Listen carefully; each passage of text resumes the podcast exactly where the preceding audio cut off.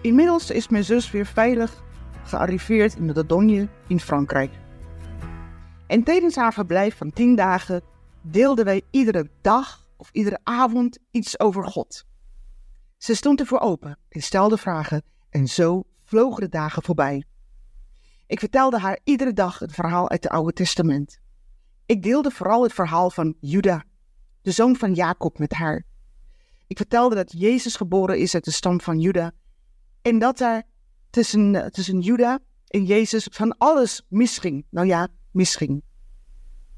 Ik vertelde haar over Juda en Tamar, dat Juda dacht dat Tamar een prostituee was, maar in werkelijkheid was het een schoondochter en dat hij haar bezwangerde. Ik vertelde haar ook over het verhaal van Bethseba en David, maar ja, dat verhaal kende ze wel. Misschien wel een van de meest sensationele verhalen uit de Bijbel. Ik deelde nog, weet je, nog veel meer over de lijn van Juda. En ik, ik vertelde dat omdat wij net zo zijn als alle mensen uit de lijn van Juda. Nou ja, alle, veel. Dat wij zondigen en soms dingen doen wat helemaal echt niet kunnen.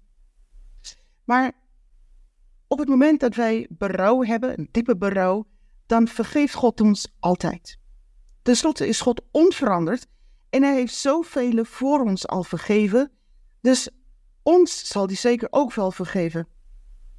En weet je, God komt nooit meer terug op onze zonde. Alles, zei ze. Alle zonde? Ja, zei ik. Alle zonde. Ze moest even slikken. Ze had het nodig om te horen dat God vergeeft. Ze vertelde, ik vertelde haar dat dit, is een, dat een is van genade. En weet je dat, dat de bloed van Jezus zoveel meer kan reinigen dan wat wij ons voorstellen. En als, als wij denken, of tenminste als ze zo denken, dat het, uh, ja, dat niet kan, dat wij Jezus opnieuw kruisigen. Tja, ik kan eigenlijk geen ander verhaal vertellen. Dit is een verhaal waar mijn hart van vol is. En mijn mond loopt ervan over. En dat moest ik wel. Um, ik zag het in Matthäus 12, vers 34. Weet je waar je hart van vol is? Daar loopt je mond van over. Ik heb alle vertrouwen dat, uh, dat ik haar de mooiste verhaal heb verteld.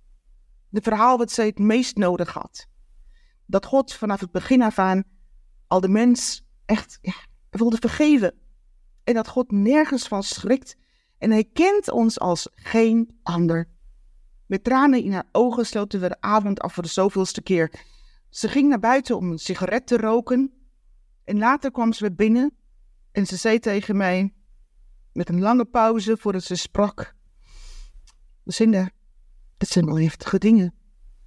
En ik zei: Anthea, jij bent gekocht en betaald. En dat met een brede glimlach.